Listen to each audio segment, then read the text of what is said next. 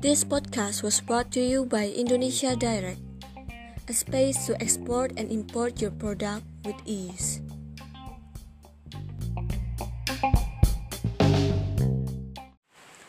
Halo Sobat Direct semuanya, selamat datang dalam seri pelatihan ekspor Indonesia Direct episode ke-6 dengan topik pentingnya product development dan market research. Stay tuned and enjoy. Apa sih product development? Product development itu adalah bagaimana kita melakukan proses mengcreate, mengadaptasi, mengganti sesuatu jumlahnya banyak ya. Kemudian produk itu adalah darahnya bisnis. Uh, kita perlu darah baru, perlu produk baru, perlu bisnis baru, bahkan harus ada new life cycle. Seperti sekarang ada new normal, kan bayangin aja, pandemi COVID ini bisa merubah semuanya. Kalau Bapak Ibu mem, me, yang dari makanan minuman ya, me, melihat bisnis makanan minuman, kalau tidak kan jangka waktu tertentu di menu atau tidak mengganti dekorasi tempat usahanya. Kalau tidak kan orang bosen ke sana karena apa? Banyak tempat-tempat baru yang menarik yang orang mencari suasana baru. Contohnya dulu nggak ada zamannya wifi, orang ya nggak masalah. Sekarang ke restoran, ke kafe yang cari ada wifi-nya nggak kan begitu sekarang dengan new normal ini pasti ada ada protokol kesehatannya nggak dijamin di sana aman nggak seperti itu. Nah, kita lihat produk. Right product is success of your business. Apa sih produk yang kira-kira cocok dengan Anda? Saya kasih contoh. Ini pensil-pensil biasa. Zaman dulu pensil, zaman saya SD itu, waduh, pensil nggak ada 2B, 4B, habis. Semua pensil sama. Sekarang sudah ada ada 2B, ada 4B, ada segala macam karena bisa dipakai uh, tes kan gitu kan. Zaman sekarang pensil doang nggak ada apa-apanya. Zaman sekarang pensil di balik belakangnya sudah dibuat ada flash disk. Ini buatannya anak Jogja pak. Jadi flash disk. Jadi nilai pensil tersebut jadi mahal karena ada flash disknya, ya kan.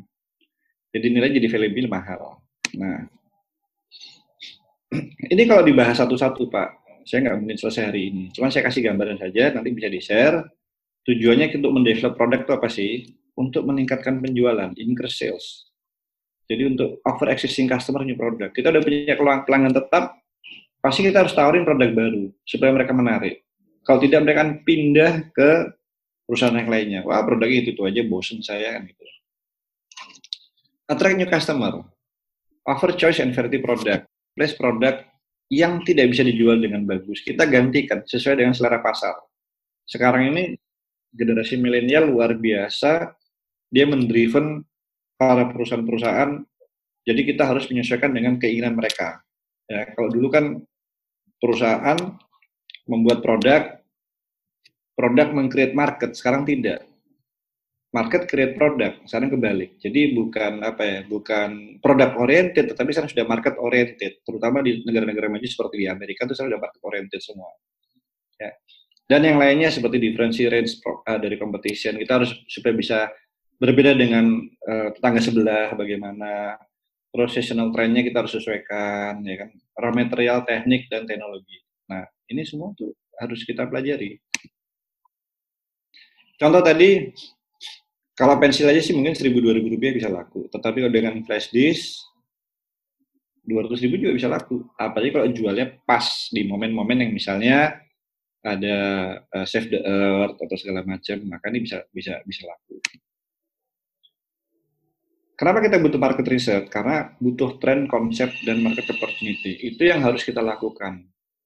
Tanpa adanya market research, kita nggak tahu arah kita mau ke mana. Ya, contoh. Mungkin bagi teman-teman yang bergerak di bidang home decoration, furniture, fashion, tren yang sekarang itu adalah back to nature. Ya. Back to nature itu sudah menjadi sesuatu yang apa ya istilahnya bagi bagi uh, bagi negara-negara maju kita nggak mau pakai plastik. Kita harus pakai sesuatu yang uh, apa natural. Jadi nggak ada ceritanya orang makan uh, apa istilahnya uh, pakai tempat plastik terus uh, pakai tas kresek. Bahkan sekarang di beberapa di beberapa apa beberapa uh, kota, negara sudah pakai tasnya dari kertas. Oke. Ini market opportunity. Kalau kita lihat low end, mungkin di pasar-pasar seperti ini, ada klepon segala macam. Bagaimana produk ini bisa dibawa ke tempat yang bagus? Otomatis kemasannya akan berubah, ya kan? Sasarannya ke mana? Low end, medium, atau up market? Nah ini kita sesuaikan semua. Nah, banyak di negara-negara tertentu kita kembali ke culture. Sekarang yang namanya apa nih ya? Kalau bahasa Jawa sutil sih. Ya kan, penggorengan ini sudah pakai yang kayu. Bahkan sendok sup segala macam sudah pakai yang kayu. Kenapa? Dia tidak tidak merusak ininya, tidak merusak uh, teflonnya, dan dia juga tidak me, apa uh, higienis juga kan begitu. Berikutnya ini market trend. Di India, dengan ada Bollywood, maka semua apa yang dipakai artis tersebut diminati. Bahkan di Indonesia, eh, beberapa bulan tahun yang kemarin, artis apa muncul di sinetron pakai jilbab apa, besoknya di Mangga Dua, di mana Tamrin City, ini jilbabnya ini si A, ini jilbabnya si ini udah udah tren jadi tren tersendiri, ya kan. Bahkan sekarang orang-orang Malaysia itu kalau belanja di Tamrin City sebelum pandemi COVID ini, yang dicari adalah uh, jilbabnya sinetron si artis A, B, C kan gitu. Ini udah udah udah uh, bagian dari market research Film itu juga salah satu cara untuk uh, driven market jangan dikira film-film Korea, drakor itu tidak membawa dampak pengaruh yang besar di Indonesia. Kosmetiknya beberapa orang di Indonesia pakainya semua udah meniru di sana, ya kan. Bahkan sebetulnya Jepang itu sudah lebih awal. Jepang itu ingin menunjukkan bahwa negara dia adalah negara yang canggih di bidang teknologi. Dengan apa? Menginfluence anak, kecil dengan film Doraemon. Bisa loh, saya seperti ini, bisa seperti ini, jadi seperti ini itu adalah apa yang dilakukan oleh Jepang. Oke. Nah, ini beberapa contoh tentang social awareness. Saya pernah Pak Habib ya tahu uh, yang namanya keranjang bambu. Kalau di pasar-pasar tuh dipakai keranjang sayur segala macam. Ya. Tetapi itu bisa naik kelas menjadi laundry bag kan begitu. Oke. Okay. Tidak hanya bambunya saja, tapi harus lapisan kain segala macam. Ini yang dari dari mendong ini apa dari stiker ini menjadi sarang atau jadi placemate kan sesuatu yang uh, beda. Nah, saya skip dulu. Learn from designer. Inilah yang namanya back to nature. Pola-pola daun, warna-warna daun, warna-warna pastel, itu akan merubah semua tren furniture. Ini kalau kita ngomong furniture. Line, strip line, ini sekarang lagi tren lagi. Jadi kalau Bapak Ibu tahu, sekarang kalau udah keluar desain-desain pola kain berwarna-warni, garis-garis, itu sekarang desain sekarang seperti ini. Jadi desain itu sebenarnya berputar aja, sirkularnya seperti itu. Cuman sekarang warnanya apa? Sekarang warnanya warna pastel. Saya nggak tahu, mungkin Pak Bib sudah lihat uh, tren Amerika sekarang warnanya apa, tren Eropa sekarang warnanya apa, itu sudah ada Pak market risetnya. Di CBA sudah ada, kalau di Amerika itu kalau nggak salah di World Market sudah ada. Nah ini kalau kita mau masuk pasar sana kita lihat seperti ini. Iya betul. Jadi kalau kita bisa buat recycle terus ya nggak ini, nggak masuk lagi. Nah, mohon maaf, Jepang, Marimekko Textile, memasuki musim summer, dia udah buat desain seperti ini. Jadi mau kertas kan musim um, summer itu ibarat dengan um, tumbuhnya tanaman lagi. Jadi yang namanya bunga, daun itu udah naik lagi trennya. Bahkan buku, cover buku, tas sekolah segalanya sudah sudah harganya sudah ke sana. Bahkan mobil pun dikasih stiker pak. Kalau kita di Indonesia mobil dikasih stiker dan terlalu ini, terlalu apa? Terlalu mencari perhatian. Betul. Seperti itu. Ya. Kalau misalnya beli Pak Habib dikasih gini kan menarik juga sih Pak. Iya, naik anak saya, saya nggak mau naik Pak. Baik. Nah, ini pun juga desain-desain minimalis didukung dengan pola-pola warna dan garis-garis. Kalau Bapak Ibu lihat sekarang, kenapa ada sih desain minimalis? Padahal kalau Pak Habib buat furniture kan besar-besar. Karena sekarang karena rumah yang diciptakan minimalis, tipe-tipe orang yang baru menikah itu pasti rumahnya tipe 21 atau di apartemen yang hanya satu kamar. Jadi dia butuh furniture yang disesuaikan dengan ruangan.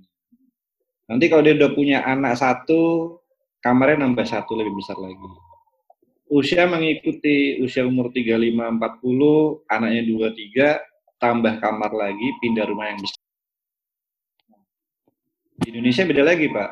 Usia sudah 55 tahun ke atas, sudah siap-siap mau mantu, atau yang kecil posisinya sudah menjadi eselon 2, kepala dinas segala macam, mau mantu pasti akan mengundang orang pasti rumahnya besar dan furniture-nya juga nggak ada yang kecil-kecil lagi pak. Betul. Jadi segmen usia itu akan merubah perilaku daya beli dan segala macam. Nah sekarang kalau bapak ibu kembali ke produk yang bapak ibu buat, mau segmennya ke mana? Kalau segmen usianya 50 tahun ke atas, maka produknya harus produk yang premier, produk premium. Mau kirukuran segala macam nggak apa-apa, dia bisa beli. Tapi kalau misalnya bapak ibu produk yang minimalis, maka harus bersaing dengan orang yang buat produk minimalis. Ceruk pasarnya tertentu, ya, mereka sangat kritis, harganya juga mepet. Nah, itu kira-kira sih gambar segitu. Tapi kalau mau lebih detailnya dibahas di uh, kesempatan yang lain, Pak, masalah itu. Nah, ini adalah strip line. Jadi strip line itu memang eranya seperti ini. Kalau ada orang pakai garis-garis, pakai baju, korden, sarung bantal segala macam, ya disesuaikan dengan rumahnya yang minimalis. Kalau misalnya kayak gini, rumahnya minimalis dikasih gambar corak yang berat-berat, ya akan masuk. Nah ini kalau sudah yang sudah ke glamor. Jadi sudah trennya sudah usianya beda. Gak mungkin lah Pak anak SMA atau mohon maaf 20 sampai uh, bapak-bapak ibu saya 20 30 terus pakai yang pakai yang berat-berat seperti ini pasti juga tidak sesuai dengan segmen usianya. Ini yang harus kita perhatikan. Ya segmen yang paling baik itu adalah usia 40 tahun ke atas karena dia udah freedom.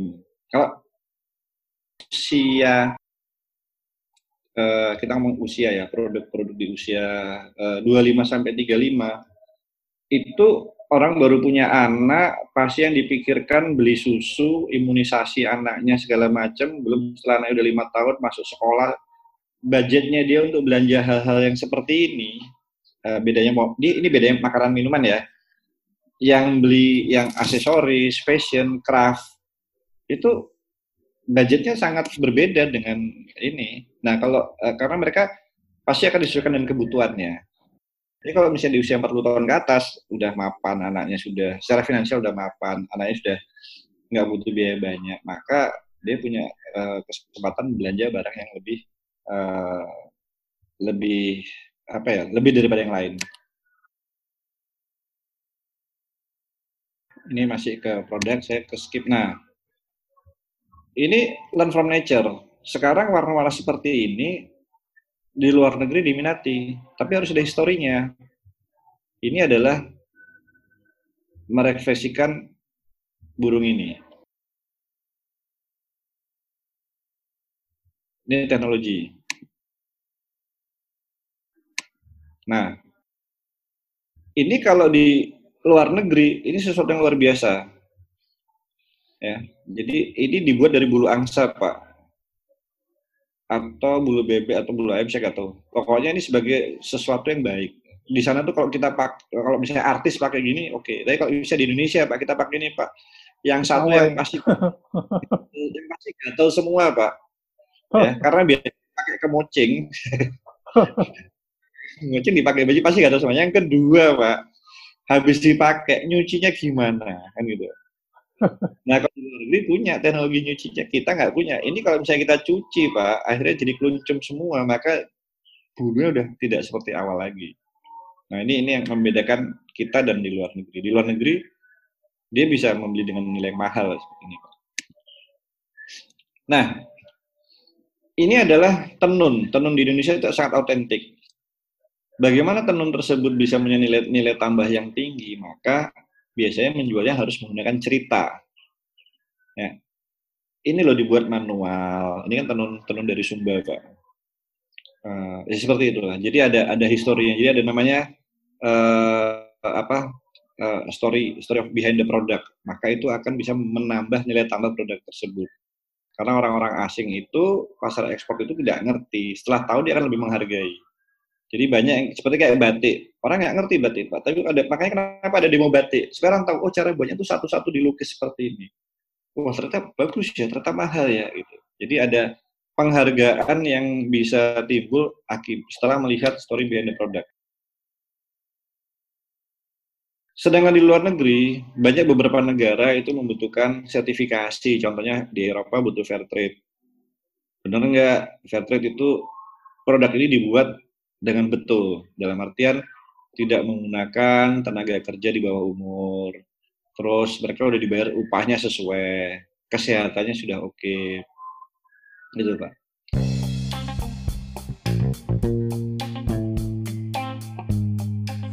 Terima kasih Sobat Direct yang sudah mendengarkan podcast kami sampai akhir. Sampai jumpa dalam seri pelatihan ekspor Indonesia Direct episode selanjutnya yang akan membahas tentang metode transaksi via PayPal. Jangan lupa follow akun Indonesia Direct untuk podcast menarik selanjutnya. See you next time, exporters!